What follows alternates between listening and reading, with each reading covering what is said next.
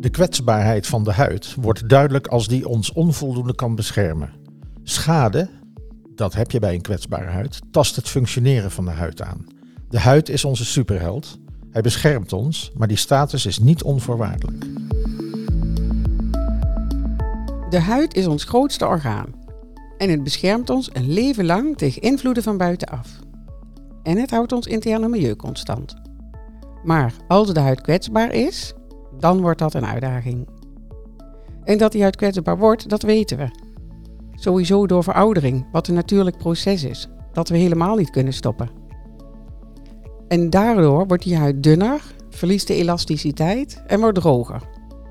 Maar ook comorbiditeiten dragen bij aan kwetsbaar worden ervan. Denk aan veneus en arterieel vaatlijnen bijvoorbeeld, waarvan de consequentie onder andere udeem kan zijn, dat letterlijk kan leiden tot het vallen van gaten in die huid.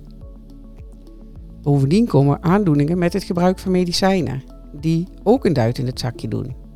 Bijvoorbeeld de ontstekingsremmende medicatie. En dan zijn er tenslotte nog factoren extern die onze huid zo kwetsbaar maken. Denk aan roken of zonlicht. Welkom bij het QTMet College Kwetsbare Huid. Een podcast van SCT waarin we kennis en kunde met jullie delen. Het inschatten van risico op schade aan de huid door kleeflagen is belangrijk. Want beschadigde huid is een risicofactor die kan leiden tot vertraging van de wondgenezing. En dat leidt weer tot leed voor de patiënt. Meer inzet van hulpmiddelen en een toenemende vraag naar zorg. Het tijdig inzetten van een fixatieproduct dat huidschade helpt voorkomen, helpt ook onze superheld, de huid, zijn status waar te maken. In deze podcast spreek ik met mijn collega DJ Tangelder en iemand die een master in wound healing en tissue repair heeft behaald aan Cardiff University. Zijn naam is Ron Legerstee. Mijn naam is Elgard van Kool. Als niet-praktiserend verpleegkundige en gezondheidswetenschapper ben ik een vraagbaak voor mijn collega's. Ik ben Ron Legerstee. Ik ben zogenaamd niet-praktiserend verpleegkundige en meester in de wetenschap op het gebied van wondgenezing en weefselherstel. En ik ben Didier Tangelder en met mijn ervaring in de praktijk als verpleegkundige deel ik mijn expertise over onze hulpmiddelen voor wondbehandeling met mijn collega's en onze gebruikers. In deze podcast deel ik mijn kennis over kleeflagen met jullie. Wil je even met me meedenken? Ik behandel een 87-jarige man met een al maanden bestaande wond op zijn scheenbeen. En de huid is kwetsbaar. Welk fixatieproduct kan ik het beste kiezen als ik de huid wil beschermen tegen beschadigen? We weten dat kleeflagen van wondbedekkers en fixatieproducten schade aan de huid kunnen veroorzaken. Dat is dan onbedoeld natuurlijk. Een zorgprofessional zou scherp moeten observeren wat de conditie van de huid is en bij het kiezen van een product zich moeten afvragen of er risico bestaat dat de huid beschadigd wordt. Speciaal voor jou als zorgprofessional ontwikkelde Essity een driedelige podcastserie over veel voorkomende uitdagingen in wondzorg. Exudaatmanagement, wondinfectie en de kwetsbare huid. We nemen je mee in de wereld van onze huid, wondbehandeling en de beschikbare oplossingen. Het gebruik van de juiste hulpmiddelen op het juiste moment kan namelijk een belangrijke bijdrage leveren aan de kwaliteit van zorg. Deze podcast gaat over kwetsbare huid. Luister je mee?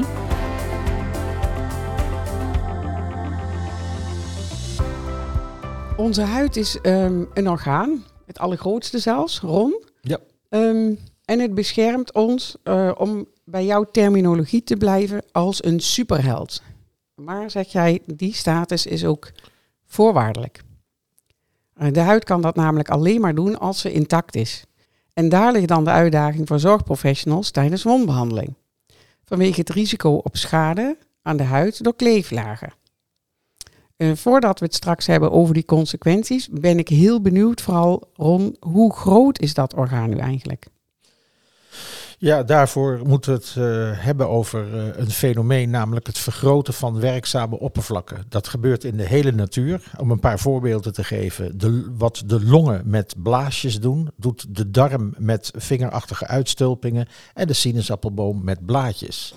Met maar één doel, het vergroten van je werkzame oppervlakte. En als je bijvoorbeeld naar de longen kijkt en je, je denkt dan hoe klein eigenlijk de ruimte is waarin de, je twee longen zich bevinden, dat komt niet overeen met een geweldig grote werkzame oppervlakte. Namelijk Als je alle longblaasjes zou kunnen openknippen en verspreiden, dan krijg je een oppervlakte van, ik meen dat het een tennisbaan is of zo, 60 vierkante meter. Ik het- weet dat niet precies hoor. Mhm. Bij eh, de darmen gebeurt dat door middel van vingerachtige uitstulpingen, zei ik al. Zo krijg je een enorm oppervlak van wel 200 vierkante meter, waar langs voedingsstoffen je bloedbaan binnen kunnen worden gebracht. En die 200 vierkante meter komt ook overeen met als je alle blaadjes van een volwassen sinaasappelboom bij elkaar optelt qua oppervlakte. Maar om bij die boom te blijven, als je naar de chlorofiel gaat kijken, naar het bladgroen waarmee de boom, waarmee planten eh, CO2 opnemen en zuurstof produceren, die oppervlakte is nog veel groter. Bij de sinaasappelboom is dat wel 6000 vierkante meter. Nou, de, en de huid heeft ook zo'n structuurtje. Daar is het geen blaasje of vingertje of blaadje, maar een papil. Tussen je opperhuid en je lederhuid bevinden zich ongelooflijk veel eh, papillen. En elke papil wordt gevoed door een capillairtje, een bloedvaatje. En, en, en die heeft dus een veneuze en een arteriële kant. En daartussen zit ook nog in, onder iedere papil van je huid een open lymf, eh, beginnend lymfvaatje. Waar eh, afvalstoffen door kunnen worden vervoerd. Ja, dus als je kijkt naar de structuur van de huid, die we hier niet in, in beeld kunnen brengen, maar dan kun je wel voorstellen als je luistert hoe ongelooflijk complex de bouw van de huid is. En dat is hij om een enorm grote oppervlakte te krijgen. In ieder geval veel groter dan de vierkante meter die in twee vierkante meter die in leerboeken staat afgebeeld. Ja, en daar zou je aan kunnen denken voortaan als je naar een wond kijkt van een paar vierkante centimeter, dat je in feite naar iets veel groters kijkt. Ja, het is echt indrukwekkend, ja, die, eh, die schaalvergroting. Ja, ja. ja. Dat betekent dus ook dat als je plakt op de huid, dan plak je ook op een grote oppervlak. ja precies. Want de huid aan de bovenzijde lijkt glad, maar dat is in werkelijkheid dus niet zo. Nee. Ehm, voor hechting van een hechtpleister met polyacrylaat, bijvoorbeeld leukopor, daar is warmte voor nodig. Een aanwrijven van die pleister geeft warmte.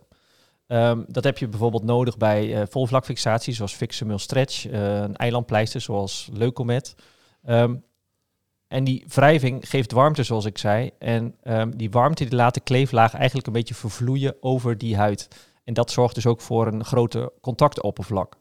En hoe langer je die pleister draagt, hoe meer warmte daar in die pleister komt en hoe harder het ook gaat kleven. En dat is belangrijk in relatie tot de kans op het beschadigen van die huid bij het verwijderen ervan. Het plakt dan altijd harder dan dat je denkt als je het even test op je hand voor een paar seconden. Mag ik iets vragen, DJ? Ja, tuurlijk. Want je bedoelt even het grotere oppervlak, omdat de bovenste laag dode huidcellen natuurlijk ook als een soort schubbetjes over elkaar heen ligt. Ja, klopt. en dat ja. het dan ook groter maakt. Dus even nog los van het stukje papillen van Ron. Ja, ja Inderdaad. Ja. En het verschil met eh, siliconen kleeflagen is dat deze kleeflagen, dus de siliconen, direct contact maken met het hele oppervlakte. En eh, dus ook meteen een goede hechting hebben die ook niet sterker wordt na verloop van tijd. Dus die hebben die warmte niet nodig. Klopt. En die gaan ook niet na verloop van tijd door het warmer worden, omdat ze op je lichaam aangebracht zijn, verder vervloeien. Nee, dat klopt. En dat betekent dus ook dat bij het verwijderen dat zonder schade aan de huid eh, gedaan kan worden. Ehm, ik kom hier straks nog wel eventjes op terug. Um, DJ nog heel even. De, veel mensen vergelijken altijd die kleeflagen door op zichzelf te plakken. Maar Ja. dan eh, plak je natuurlijk maar heel kort. Dus ook als je aanwrijft, laat je het vaak maar nou, een paar minuten zitten. Maar dan kan je dus ook niet heel goed dat verschil voelen. Dan zou je het eigenlijk net zo lang moeten laten zitten. eh, zoals je dat doet eh, tijdens hondbehandeling, een paar dagen soms. Ja, klopt. Dat je het in ieder geval een, een uur laat zitten, of misschien een dag, of een paar dagen inderdaad. Ja. En je plakt bij wondverzorging ook langdurig op dezelfde plek. Zo'n wond bestaat, als experts worden ingeschakeld, vaak al langer. Dus dan is er al een tijdje geplakt op de huid. En die heeft het dan al zwaar te verduren gehad. Zeker als die huid kwetsbaar is. En als zorgprofessional ligt hier ook een belangrijke taak voor je. Ehm, om jezelf en ook je achterban bewust te maken dat er verschillende producten met verschillende kleeflagen zijn. En dat minder vaak wisselen en dus ook minder vaak verwijderen en opnieuw aanbrengen minder risico geeft op huidschade. Niet alleen belangrijk voor wondgenezing. Alleen al daarom zijn geavanceerde producten belangrijk om beschikbaar te hebben en te houden. Ze blijven langer zitten en hebben veel vriendelijke kleeflagen. Zoals bijvoorbeeld schuimverband Cutimet Siltec. Ja, en DJ, je refereerde aan ehm, als experts worden ingeschakeld, dan is er al vaak ehm, wat langer wondzorg ehm, gaande. Maar kan het ook in die eerste drie weken heel belangrijk zijn om voor siliconen kleeflagen te kiezen? Bijvoorbeeld als je weet dat de huid kwetsbaar is. En ik denk dan aan kinderen of uh, baby's. Hè. Er zijn er vaak meer waarvan we dat weten of denken die ook wondzorg nodig hebben. Maar bijvoorbeeld ook bij een skin Een acute wond.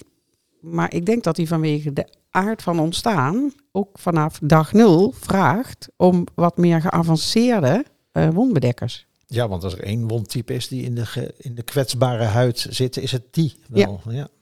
Dus je bedoelt dat je ook de eerste weken bij wondbehandeling moet voorkomen dat je de huid beschadigt? Ja. ja. Maar wat gebeurt er nou eigenlijk, Ron, bij huidschade doorkleven? Nou ja, weet je, vaak zie je in de praktijk dat huidschade een beetje als uh, erbij horend wordt gezien of zo. Alsof dat uh, normaal is. Maar dat is natuurlijk niet zo. Nee. Want als je, wat je zelf al zei, als een kwetsbare huid langere tijd beplakt is geweest, dan kun je je voorstellen dat naarmate dat langer duurt, dat de huid ook steeds kwetsbaarder wordt. En kwetsbaar betekent dat schade op de loer ligt. En als er eenmaal schade optreedt, dan ja, het lichaam kan niet anders dan reageren als het ook bij wondgenezing doet. Namelijk met een ontstekingsreactie. De schade is niet normaal, maar de lichamelijke reactie wel. Ja, en schade, dat, is, dat wordt ook wel genoemd de inflammatoire reactie. Eh, want eh, als de huid niet intact is, dan moet het wel reageren. En om, omgekeerd, als de huid reageert, dan is er eerst schade ontstaan. Want anders reageer je niet. En dat wordt tegenwoordig wel uh, DAMP genoemd, Damage Associated Molecular Patterns. Dat betekent dat cellen die worden beschadigd, die kunnen we tegenwoordig herkennen in het laboratorium, omdat ze dan stofjes produceren die dus DAMPs worden uh, genoemd. En dat komt gewoon overeen met een ontstekingsproces. Ook, ook in huid rondom de wond. Als hij beschadigt, gaat hij ontsteken. En dat is, dan, dat is dan dus niet een allergie, maar dat is dan huidschade. Ja, dus dit gebeurt altijd als er schade aan de huid is door kleeflagen? Ja, precies. Oké, het is dus niet een verkeerde kleeflaag, maar voor dat moment niet de juiste kleeflaag in relatie tot type huid en de duur van de behandeling. Ehm, en natuurlijk moet je ook kijken of hetgene wat je fixeert past hè, bij je fixatieproduct of andersom. En um, bij een wens van de patiënt of die kort wil douchen of dat men het zelfstandig kunnen verwijderen en kunnen aanbrengen. Ja. Nou, zoals we het er hier aan tafel over hebben, zou je bijna denken dat het dan heel makkelijk is. Ja, toch hoor ik van experts wel steeds vaker dat er altijd behoefte blijft aan uh, kennis over fixatieproducten. En ook voor nieuwe collega's is het altijd een eye-opener als ze leren welke kleeflagen er zijn en hoeveel verschillende producten, fixatieproducten er zijn. Het is niet altijd bekend wanneer je voor welke kleeflaag zou moeten kiezen. Um, en experts zeggen ook na jarenlange ervaring in wondbehandeling dat dit een aandachtspunt blijft voor alle niveaus. Mm Daarom hebben we samen met hen de Leukoplast fixatiewijze ontwikkeld. Die ondersteunt bij het kiezen van het juiste product, onder andere op basis van type huid, maar ook over al die andere dingen die van invloed kunnen zijn. Feedback die we daarop krijgen is dat deze heel praktisch is voor zorgprofessionals met weinig, maar ook met veel ervaring. En dat is eigenlijk gewoon een klein uh, boekje wat je bij kunt uh, dragen. Ja. Ja, we hadden daar ook feedback op, is dat uh, mensen opmerkten, is de kosten worden er niet bij benoemd. Um, maar we hebben natuurlijk wel met die kosten in ons achterhoofd die fixatiewijzer mee ontwikkeld. Dus er is daadwerkelijk gekeken, is als het kortdurend is en je fixeert bijvoorbeeld een uh, compressiezwachtel, is dat je dan uh, niet op de huid plakt, maar op een product, wat je bijvoorbeeld wel uit moet wassen. Dan moet het daar wel bij um, passen. Maar dan zou bijvoorbeeld een wat kostbaarder kleeflaag als siliconen niet het eerst aangewezen zijn. Um, aan de andere kant hebben we er ook naar na, na bijvoorbeeld totale kosten geprobeerd te kijken. Hè. Dus door aan de voorkant te investeren om schade te voorkomen, dat er aan de achterkant minder zorg nodig is. Dus dan is niet alleen de kosten op productniveau, maar voor het totale stukje wondbehandeling van belang. Zou je, gezien de ontwikkelingen van al die kleeflagen, zou je niet eigenlijk altijd voor een siliconen kleeflaag moeten kiezen? Of uh, behalve dan natuurlijk, dat snap ik ook wel, bij, bij kritische fixatie? Nee, dat zou ik niet doen. Oh, um, al, oké. het, zou, uh, het zou het wel makkelijker maken misschien, maar um, alle kleeflagen hebben gewoon uh, een bestaansrecht. Het gaat ook over de duur van de behandeling, hetgene wat je fixeert. dat bepaalt wat je kiest. En natuurlijk ook pijnvrij verwijderen.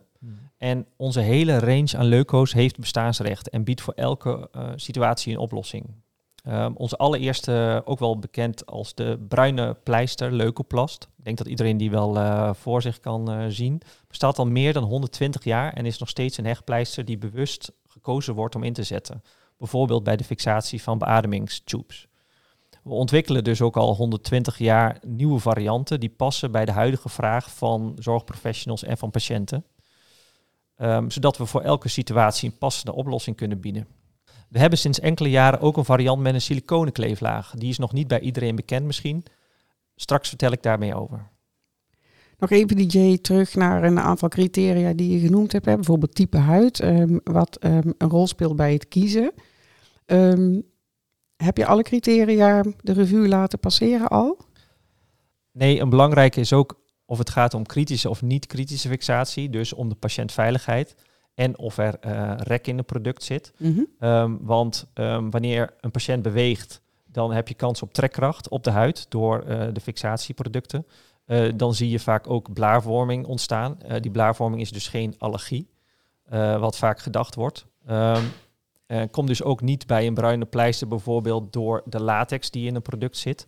Maar heeft uh, te maken met um, bijvoorbeeld postoperatief eudeem. En waar de, de huid dan um, uh, wil uitzetten en dat niet kan doordat ja. die pleister daar uh, zit.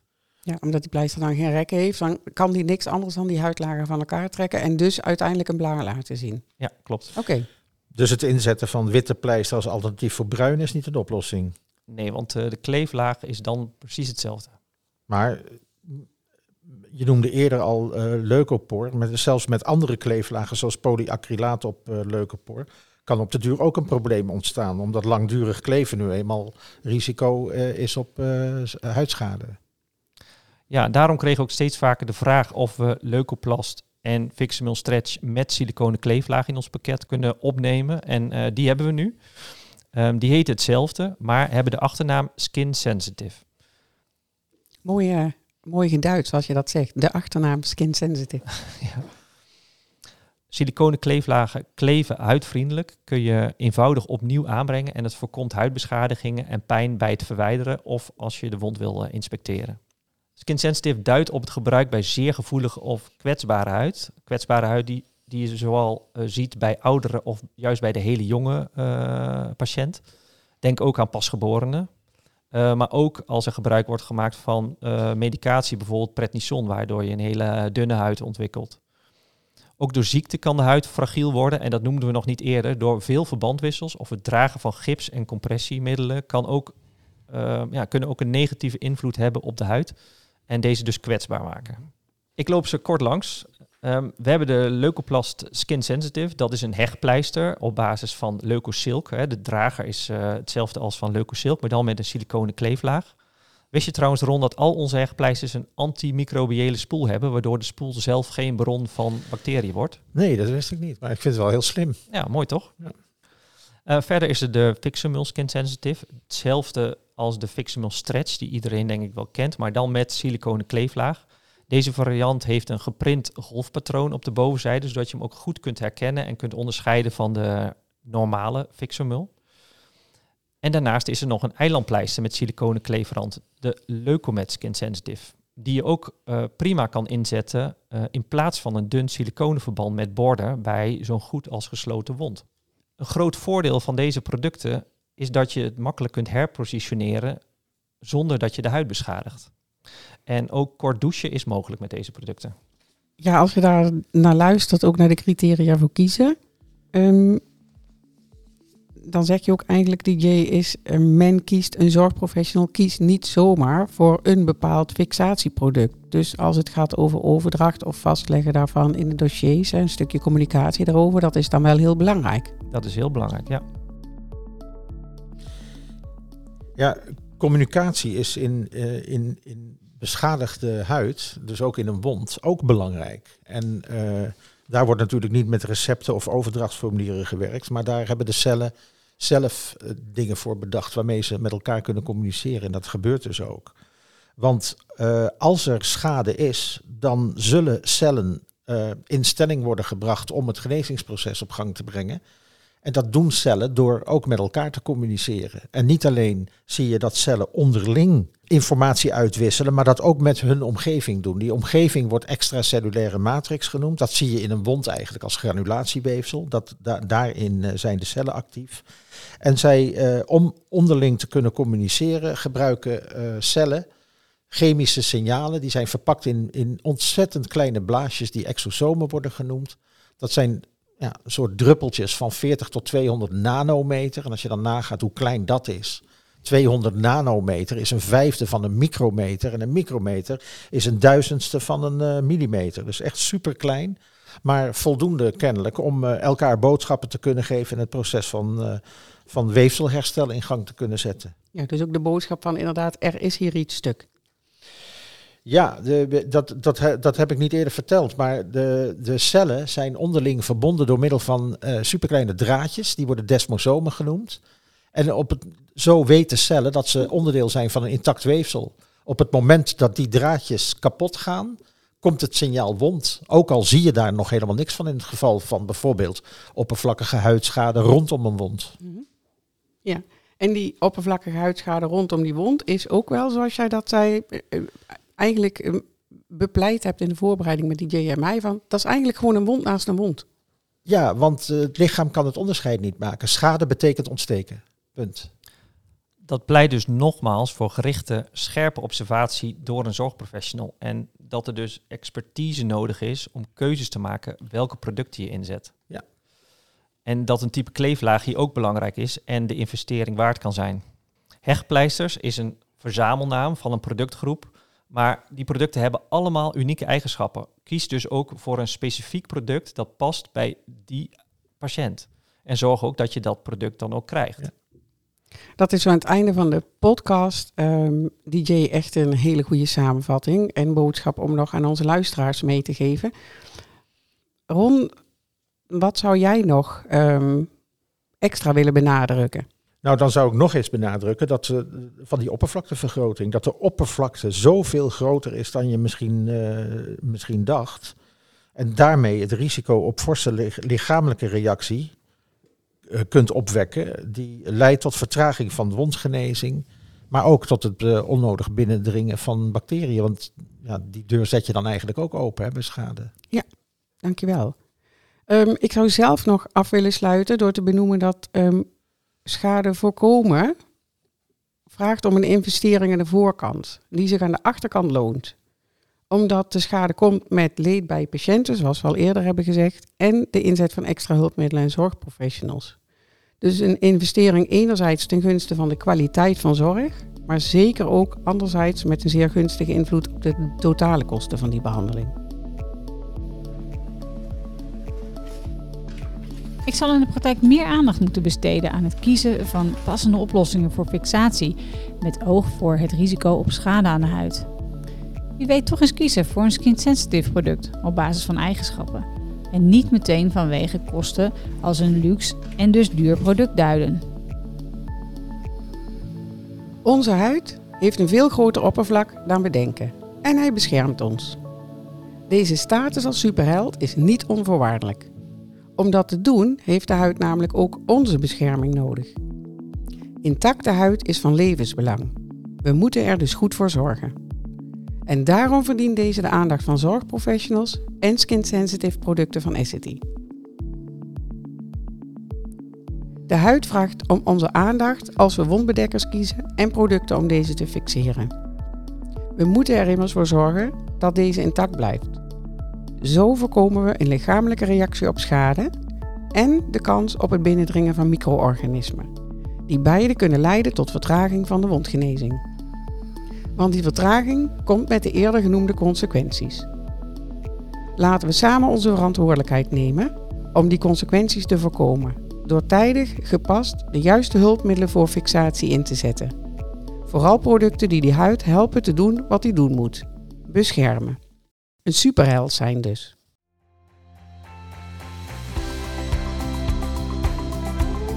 We zijn aan het einde gekomen van deze podcast. Namens Essity willen we hiermee een bijdrage leveren aan kwaliteit van zorg. Dat deden Elgard van Kool samen met DJ Tangelder en onze gast Ron Legerstee. We zien u graag in de praktijk of als luisteraar tijdens een van onze andere podcasts.